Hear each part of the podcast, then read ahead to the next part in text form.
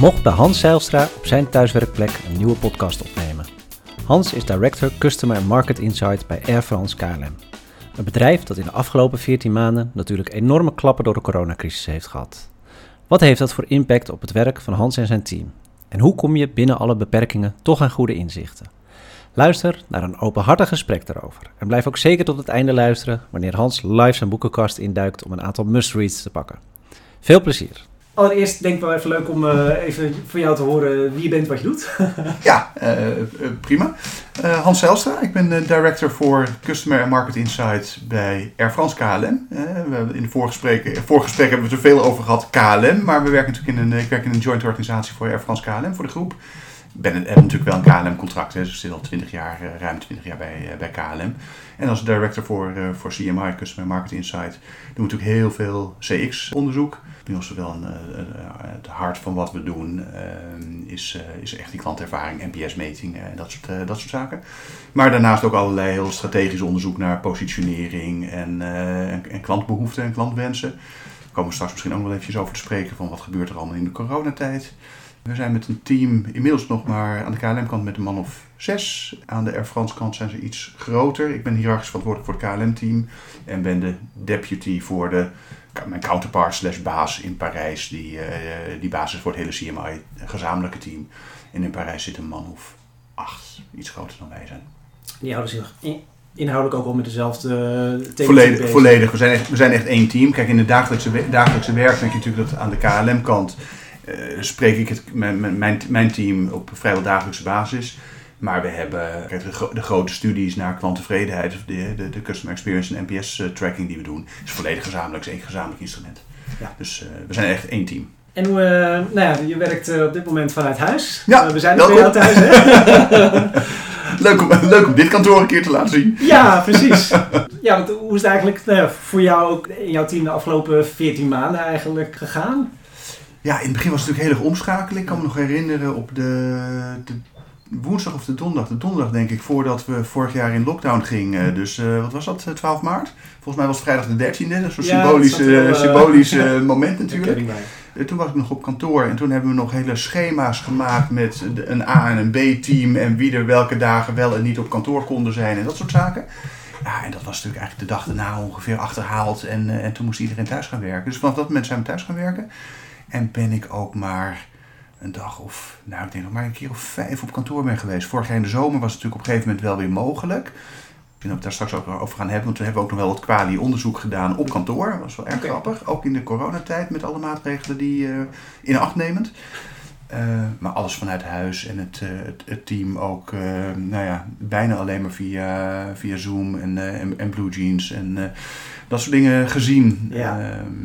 Maar dat, dat gaat eigenlijk best wel goed. Persoonlijk vind ik het ook wel fijn eigenlijk. Het, ik merk dat ik uh, weet je, veel, min, veel minder verlies aan reistijd. En ik vind het ook wel lekker om geconcentreerder thuis te werken. Op kantoor hebben we een kantoortuin. Dat had je daar kunnen zien. Ja. en hier heb ik gewoon ineens een heel ruim eigen kantoor met, met, met mijn privéomgeving. En zonder continu gestoord te worden. Weet je, dat, uh, je merkt dus, zeker in een kantoortuin dat iedereen je altijd vrij makkelijk lastig valt. Ik probeer ook zo toegankelijk mogelijk te zijn. Ook nu. Alleen de drempel om te bellen. Of uh, weet je, dan is het toch vaak even van, uh, oh, we maken een afspraak of we plannen iets in. En dat geeft wel wat meer rust, moet ik zeggen. Ik vind het wel fijn. Dus straks als zeg maar, het uh, nieuwe normaal weer ingezet kan worden, dan zie jij jezelf nog wel regelmatig hier? ik verwacht wel dat ik vaker thuis blijf werken. Ik vind dat, ik vind dat wel fijn. Ik kan echt wat meer afsluiten, geconcentreerd aan mijn eigen werk aan de slag.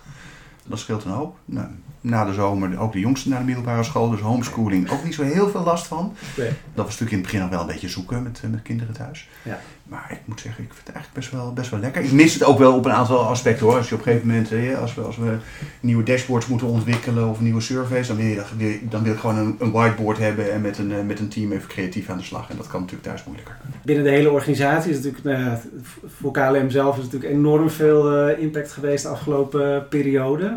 Ehm, ja, hoe heb jij KLM om je heen uh, de gebeurtenissen ja, ervaren? Ja, gigantisch. Uh, natuurlijk een waanzinnige klap geweest voor, ehm, voor de reissector.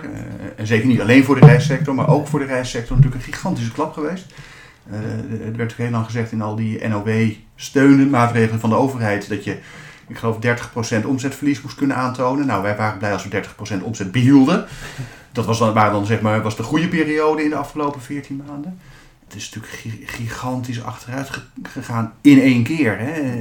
in, in, in begin maart vorig jaar zag je al wel iets teruglopen vanuit Azië in het vervoer. Met name vanuit China zagen we toen al wel van hé, hey, we, we zien al een impact. Maar dat ging om een paar procenten. Ja, en dat was natuurlijk met de lockdown daarna was het, was het gewoon, gewoon over. Eh, in, in april vorig jaar werd er niet gevlogen. Ja. Behalve de, de, de, wat repatriëring. En, en toen kwam natuurlijk ook vrij snel dat medische vervoer eh, kwam wel op gang met, uh, met, met beademingsapparatuur en de mondkapjes en dat soort zaken waarbij we zoveel mogelijk hebben kunnen vervoeren op cargogebieden.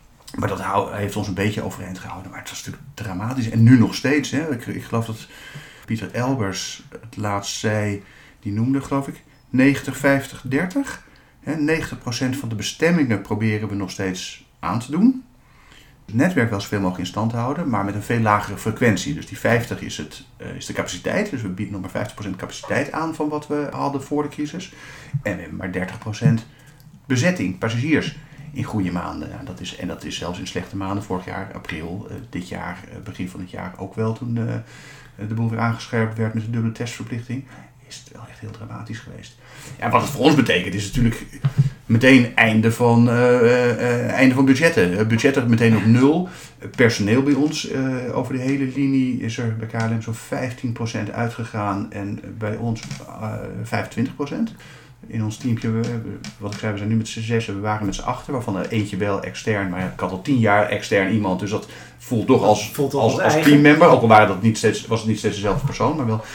Dus ja, dat heeft een flinke knauw gekregen. Ja. En de budgetten stop, dat betekent waarschijnlijk wel dat je op creatieve manier toch wel je inzicht uh, moest komen in de afgelopen periode? Nou, het begon gelijk met, uh, met opzeggen wat opgezegd kon worden. Het begon ook gelijk met doorlopende contracten uh, bellen van jongens, wat kunnen we ermee? Kunnen we dingen opschuiven? Kunnen we dingen uitstellen? Uitsmeren over een langere, langere tijd. Die externe inhuur, hè, normaal gesproken geldt daar natuurlijk een opzegtermijn voor. Nou ja, ook in goed onderling overleg dat toch eerder moeten beëindigen. Dus daar begint het gelijk mee. En zeker ook met creatieve andere manieren aan de slag daarna om dat dan te ondervangen. Wat kun je dan wel? Hè? We, hadden natuurlijk, we hebben natuurlijk lopende contracten om die NPS-metingen te doen. Nou, daar maak je zoveel mogelijk gebruik van. Hoewel we dat helemaal in het begin ook gestopt hebben, want toch geen passagiers. Dus wie, wie, moet, wie moet je vragen om een, om een, om een aanbevelingsscore? uh, ja, precies. Wie gaat wie aanbevelen? Als je geen passagiers hebt en geen potentiële klanten, dan blijft er weinig over. Um, maar ook waar we heel erg op teruggevallen zijn en nu nog steeds. De, vlak voordat jij kwam had ik daar nog een afspraak mee. We hebben een, een hele mooie online community. Al, jaren, al uh, een jaar of 12, 13 geloof ik. Ja, 13, 13 jaar nu denk ik. Ook omdat we daarmee internationaal natuurlijk uh, kwalitatief onderzoek kunnen doen online. Daar we vrij vroeg mee.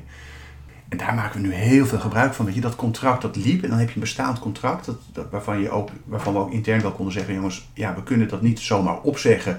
We hebben dat ook wel moeten herzien en wat moeten uh, downscalen. En met name het, het gecommenteerde bedrag over een lange periode moeten uitsmeren en de betalingen wat moeten opschuiven. Dus toch uh, uh, met dank aan de, aan de leverancier ook. wat kunnen besparen. Maar dan heb je wel die community waar we heel veel mee kunnen en waar je vrij laagdrempelig naartoe kunt gaan om allerlei vragen te doen. Normaal zou je misschien daar een ad hoc onderzoek, quali-onderzoek voor opzetten of kwanti-onderzoek. Ja, en dat gaat dan nu niet. Dan moet je je iets meer uh, beperken en het, uh, en het wat anders doen en wat meer gebruik maken van wat er wel kan in de bestaande middelen. Ander voorbeeld is um, heel veel desk research gedaan. Hm. In het begin kwamen natuurlijk heel veel bureaus. Iedereen kwam met allerlei monitoren op en, en coronamonitoren. En weet je, passagiers hadden we niet meer. Dus wat bij ons belangrijk was, is wat is het sentiment in de wereld? Niet alleen in Nederland, maar wat is in de wereld het sentiment? En hoe zien mensen, hoe, hoe angstig zijn mensen om, om te gaan reizen? Maar daar gaat de stap aan vooraf. En hoe angstig zijn mensen überhaupt over hun gezondheid, over de financiën, dat soort zaken. Dus dat soort desk research en, en uh, daar hebben we heel veel gebruik van gemaakt. Van, van, nou ja, van de McKinsey's en de Bains tot, uh, tot uh, de, de Kantars of de, de hoe heet het ding, de monitor consumentengedrag van, van validators die, ja. die dat hebben neergezet dit jaar, af, afgelopen jaar natuurlijk. Dus heel veel gebruik van gemaakt van dat soort desk research. Interne tooling ook weer, hè, dat, dat hebben we ook wel gedaan. Dus we werken met Qualtrics als, als tool voor onze klanttevredenheids, passagierstevredenheids en NPS tracking. Maar daar hebben we natuurlijk ook een ad hoc module. Dus ja, als je dan gebruik kunt maken van Flying Blue bestanden, ons loyaliteitsprogramma hè, ja. Freedom Flyers. En we, en we, kunnen die klanten benaderen via onze eigen tooling. ja, dan bespaar je gewoon out-of-pocket kosten. Dus we hebben wat meer in-house gehaald, dat, is, dat soort ontwikkelingen. En hoe werken jullie als, als, als team binnen de organisatie? Zijn jullie uh, redelijk zelfsturend? Hebben jullie allerlei vertakkingen met uh, interne opdrachtgevers? Van jullie, ja, daar, daar zat ik over te denken. Dat is ook wel veranderd. Op het moment dat het reguliere werk wegvalt en alle projectjes, niet denigerend bedoeld, maar weet je, alles, alles is relatief. Een, een project over, weet ik veel, uh, een, nieuwe bestek aan boord of een, nieuwe, een nieuw cateringconcept. Ja, dat was natuurlijk op dat moment niet aan de orde. Je gaat terug naar wat meer fundamenteel onderzoek. Hè? Wat ik zei al, desk research, wat, wat is het sentiment in de markt, wat zijn de behoeften van, van consumenten en de zorgen van consumenten. Dus je gaat iets fundamenteler onderzoek doen. Betekent ook dat je, dat ik, ik merkte ook wel dat qua stakeholders je dus iets op een strategischer niveau uh, gaat praten. Dat is wel heel erg gaaf. Dus we hebben ook allerlei, uh, op basis van het desk research, aangevuld met ook wel wat eigen onderzoek hoor uh, allerlei voorspellingen proberen te doen over wat nou belangrijk is voor klanten en wanneer gaat de markt weer aantrekken en welke delen van de markt gaan als eerste weer aantrekken. Hè? Hoe zit het met het zakelijk vervoer versus het vrije tijdsvervoer? Dus je merkt dat we op een iets strategischer niveau ook bezig waren en dus ook wat strategische stakeholders kregen.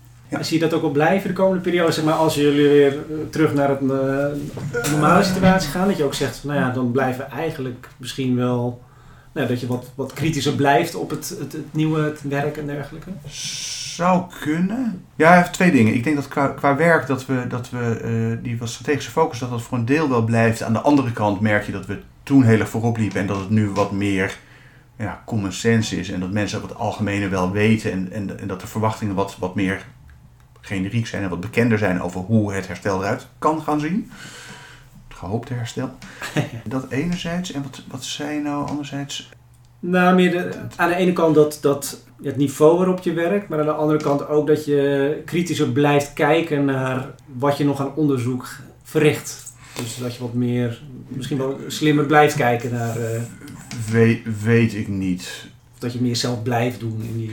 Nou, dat zou, dat zou kunnen. Maar dat, uh, volgens mij heb je dat nog op, op, lijst staan over de verwachting voor de komende jaren. En ik denk wel dat dat een trend is dat er wat meer in-house gaat plaatsvinden. Dat verwacht ik wel. Ik verwacht ook wel die samenwerking met, met, met de strategieafdeling, dat dat wat sterker wordt. Aan de andere kant, nou wat ik net zei, die, die hebben dat nu een beetje overgenomen, ook al voor een deel. Uiteindelijk gaat het misschien weer terug naar normale business, iets meer.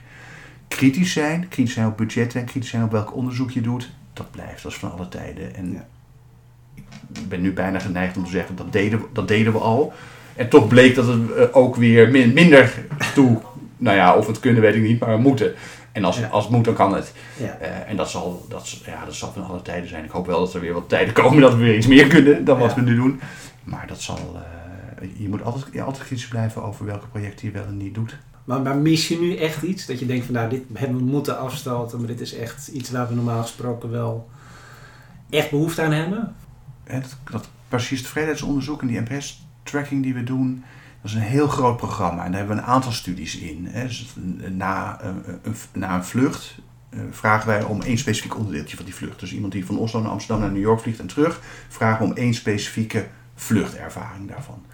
En dan kunnen we dat nou koppelen aan wat voor vliegtuig was het, of wat voor, uh, wat voor catering had iemand, of uh, weet je, was hij op, was hij op tijd en welke, stoel, welke stoeltype zat er in, de, in, in dat toestel, dat soort dingen.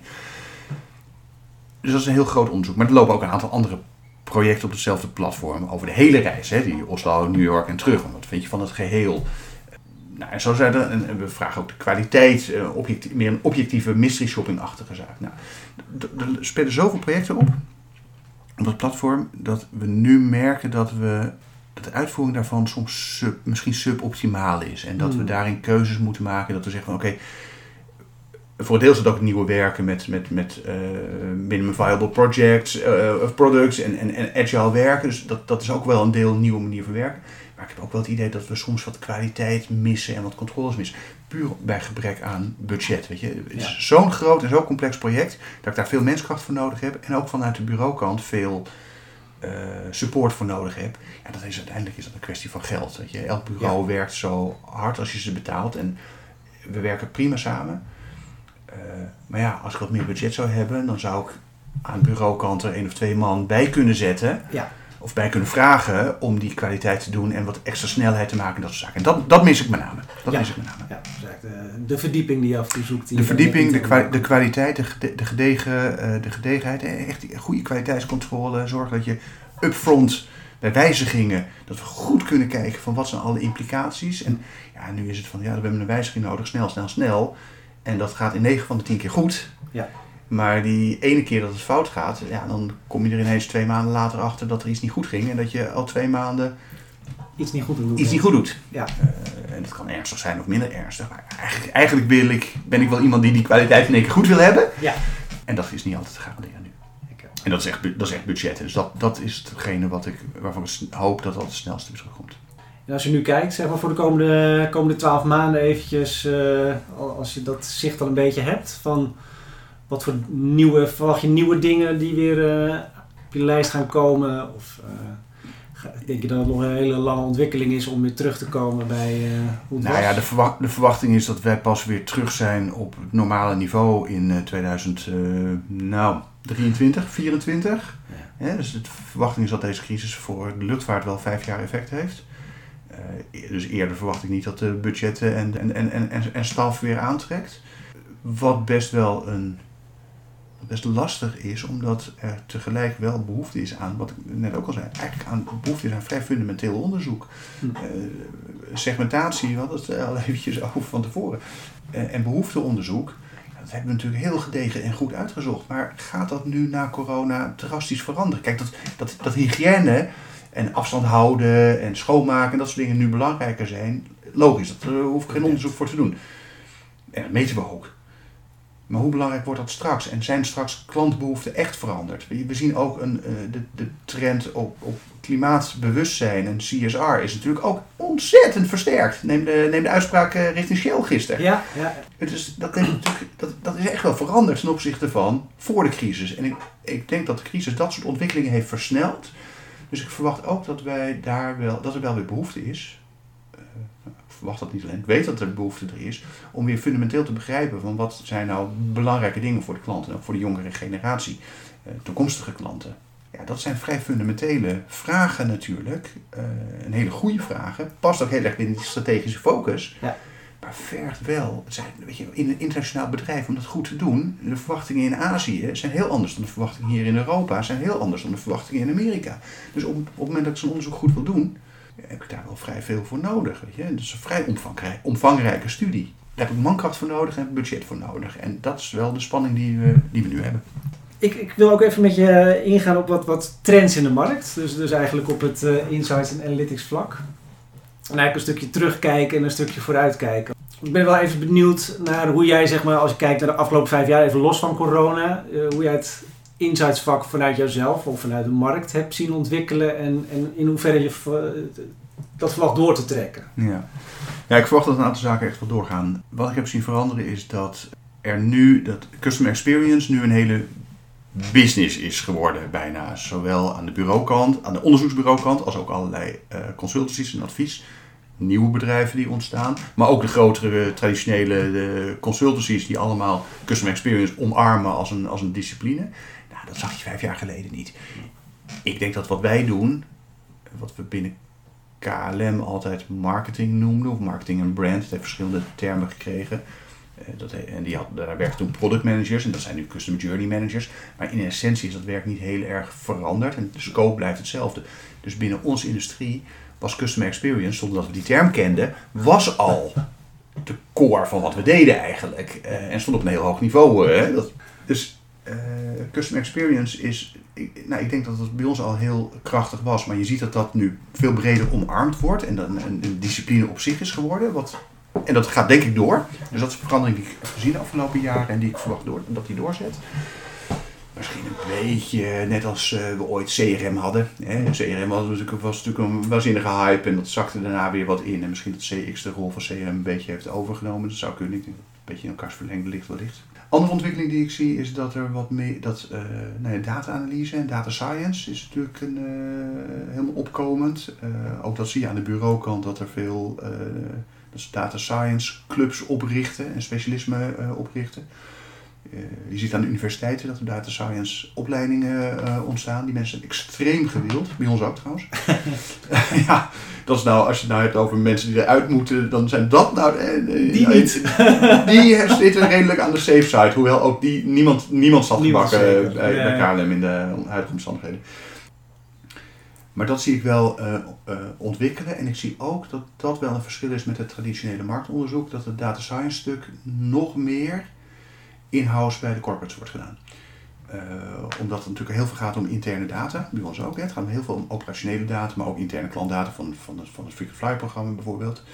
Ehm, ook de data, dat is, dan, ja, is dat intern, ja, inmiddels natuurlijk wel. We hebben hele, dat hele gro- grootschalige klanttevredenheidsbasisonderzoek. Eh, in normale tijden aan de KLM-kant zijn duizend ingevulde enquêtes per dag.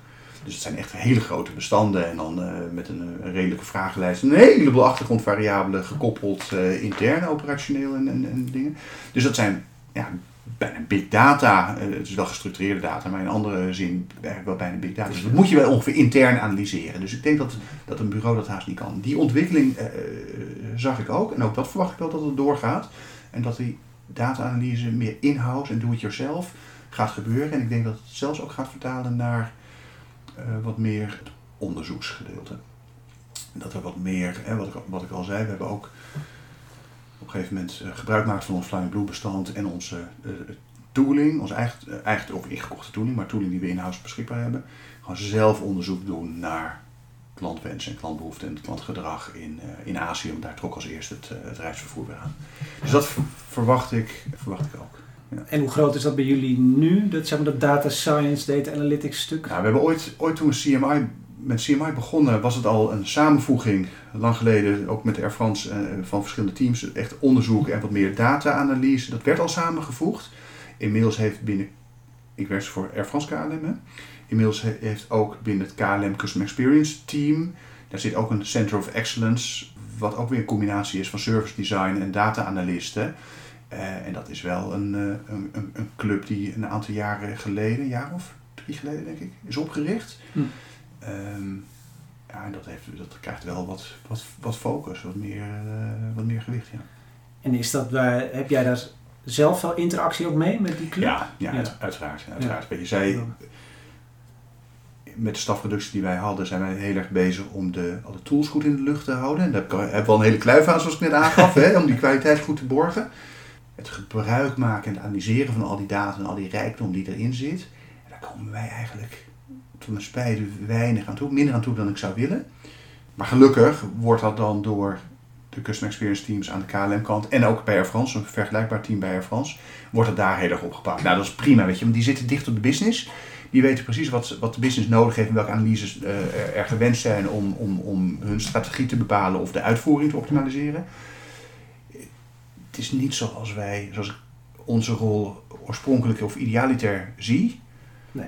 Maar dit is wel de beste manier van werken nu. En uiteindelijk moeten we dus de krachten bundelen. En we hebben, ik heb eh, zeer regelmatig, nou, bijna wekelijks spreek ik, spreken wel mensen van die club. En we hebben één keer in de drie weken hebben we formeel afstemmingsmeeting ook. Dus eh, ja. Zie je dat in de toekomst echt helemaal versmelten ook bij jullie? Of blijven het toch nog wel twee? Weet ik niet. Denk, denk het niet. Ik denk, ik denk het niet. eh, omdat wij echt centraal zijn. Je, ik, geloof, ik geloof nooit dat Air France en KLM, dat lijkt me echt totaal onzinnig, als Air France en KLM allebei hun eigen passagiers tevredenheidstracking systeem gaan opzetten. Weet je? Ja. Dat is hetzelfde. Dat is hetzelfde. Je? En de vragen kunnen nu in nuance iets verschillend zijn, maar zelfs die zijn, zijn eh, voor 99,9% hetzelfde. Het is natuurlijk onzinnig, kosttechnisch, als, als ze allebei hun eigen instrumenten gaan neerzetten. Dus dat doen wij centraal vanuit de groep, vanuit Air France KLM. Tegelijk hebben Air France en KLM allebei behoefte aan analyses die specifiek voor die airline nodig zijn. Dus ik vind het eigenlijk best een hele gezonde situatie. Ik geloof niet dat dat gaat veranderen op korte termijn. Je weet het niet hoe, het, Nee, over, het er over tien jaar uitziet, maar ik verwacht, ik verwacht het niet. Dat het zo blijft. Ja, ik ben al redelijk eh, aan het eind gekomen. En ik heb altijd aan het eind nog wel een vraag of jij nog iets weet. Mag het hard? Ja, we gaan zoeken.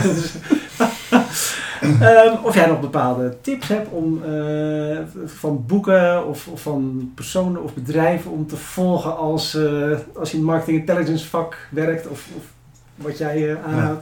Ik heb bijna de neiging om de microfoon eventjes hier door de kamer te halen. als, als, als ware het een, een, een, camera. Maar dat is ja, ik wil zeggen, we, zitten hier in een hele beboekte omgeving. Met heel veel interessante, uh, in ieder geval veel, veel reisboeken. Veel, reis, veel reisboeken.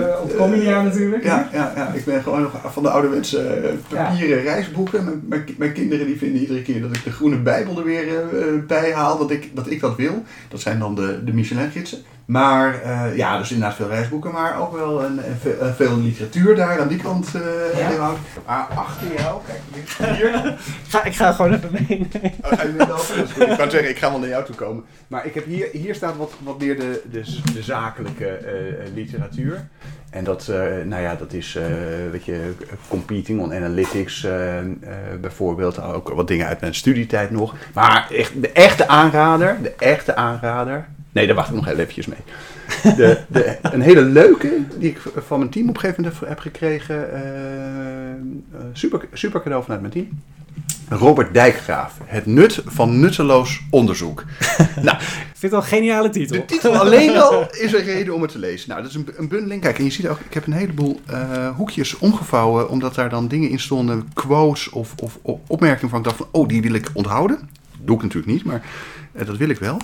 En alleen al de titel is natuurlijk fantastisch. En het is een bundeling van, van, van columns die hij, eh, nou, ik, in, ik denk in NRC of zo heeft geschreven. Ik weet niet precies waar, maar fantastisch ook over het belang van onderzoek. En ook over het belang van onderzoek wat in eerste instantie misschien niet heel belangrijk lijkt.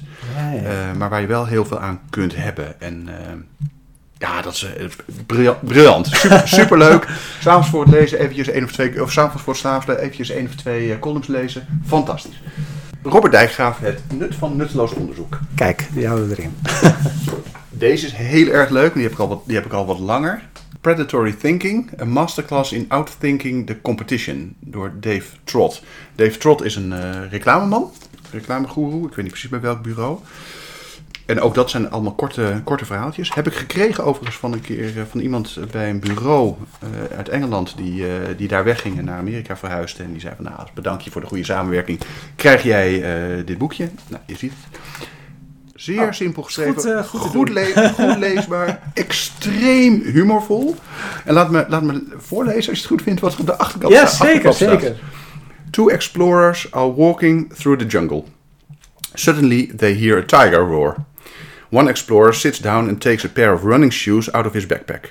You're crazy. You'll never outrun a tiger, says the other explorer. I don't have to outrun the tiger, he replies. I just have to outrun you. Die creatieve mindshift. Van jongens, maar alles is relatief. En kijk nou naar wat er, wat er om je heen gebeurt. En niet navelstaren, maar kijk wat breder. Kijk naar de concurrentie. Uh, fantastische boodschap. En, en andere fantastische verhalen erin. Uh, over, uh, ook, over denkfouten en hoe je soms uh, op een verkeerde manier ergens mee om kunt gaan. Fantastisch verhaal over het Panama-kanaal bijvoorbeeld. Mooi. Ja, en mooi. de echte, daar wacht ik mee. Hè. Ja. ik, zag, ik zag hem al liggen, hij trok ook niet meer. Niet meer nieuw, niet meer nieuw, maar ja, je kunt het zien, intensief gelezen. Heel goed, ja. Ons veilbare denken, Kahneman, ik heb hem in het Nederlands gelezen. Hè. Thinking Fast and Slow. Ja. ja, een klassieker in alle opzichten fantastisch.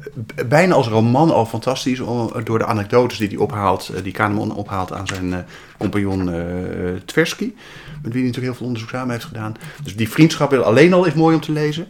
Maar ja, als je nou iets wil begrijpen van, van, de, van de menselijke psyche en hoe je dat kunt toepassen in, in marketing en marktonderzoek, is dit echt een must-read. Absoluut. Must read, ja. Ik kwam gisteren nog tegen, trouwens, ik moest gisteren nog aan denken. Omdat er zelfs voor de formatie naar werd gerefereerd over... moet je nou een aan uitruil doen tussen partijen, dus standpunten... of moet je ah, naar compromis zoeken. Ja. En ook daar werd weer aangehaald naar risicoaversie... en het, het feit dat mensen verlies een groter gewicht toekennen ja, dan, dan uh, winst. En nou ja, dus zelfs daar dacht ik van... zelfs in de politieke formatie van het nieuw kabinet kun je gewoon Kahneman gebruiken. Fantastisch. Ja. Absoluut aanraden.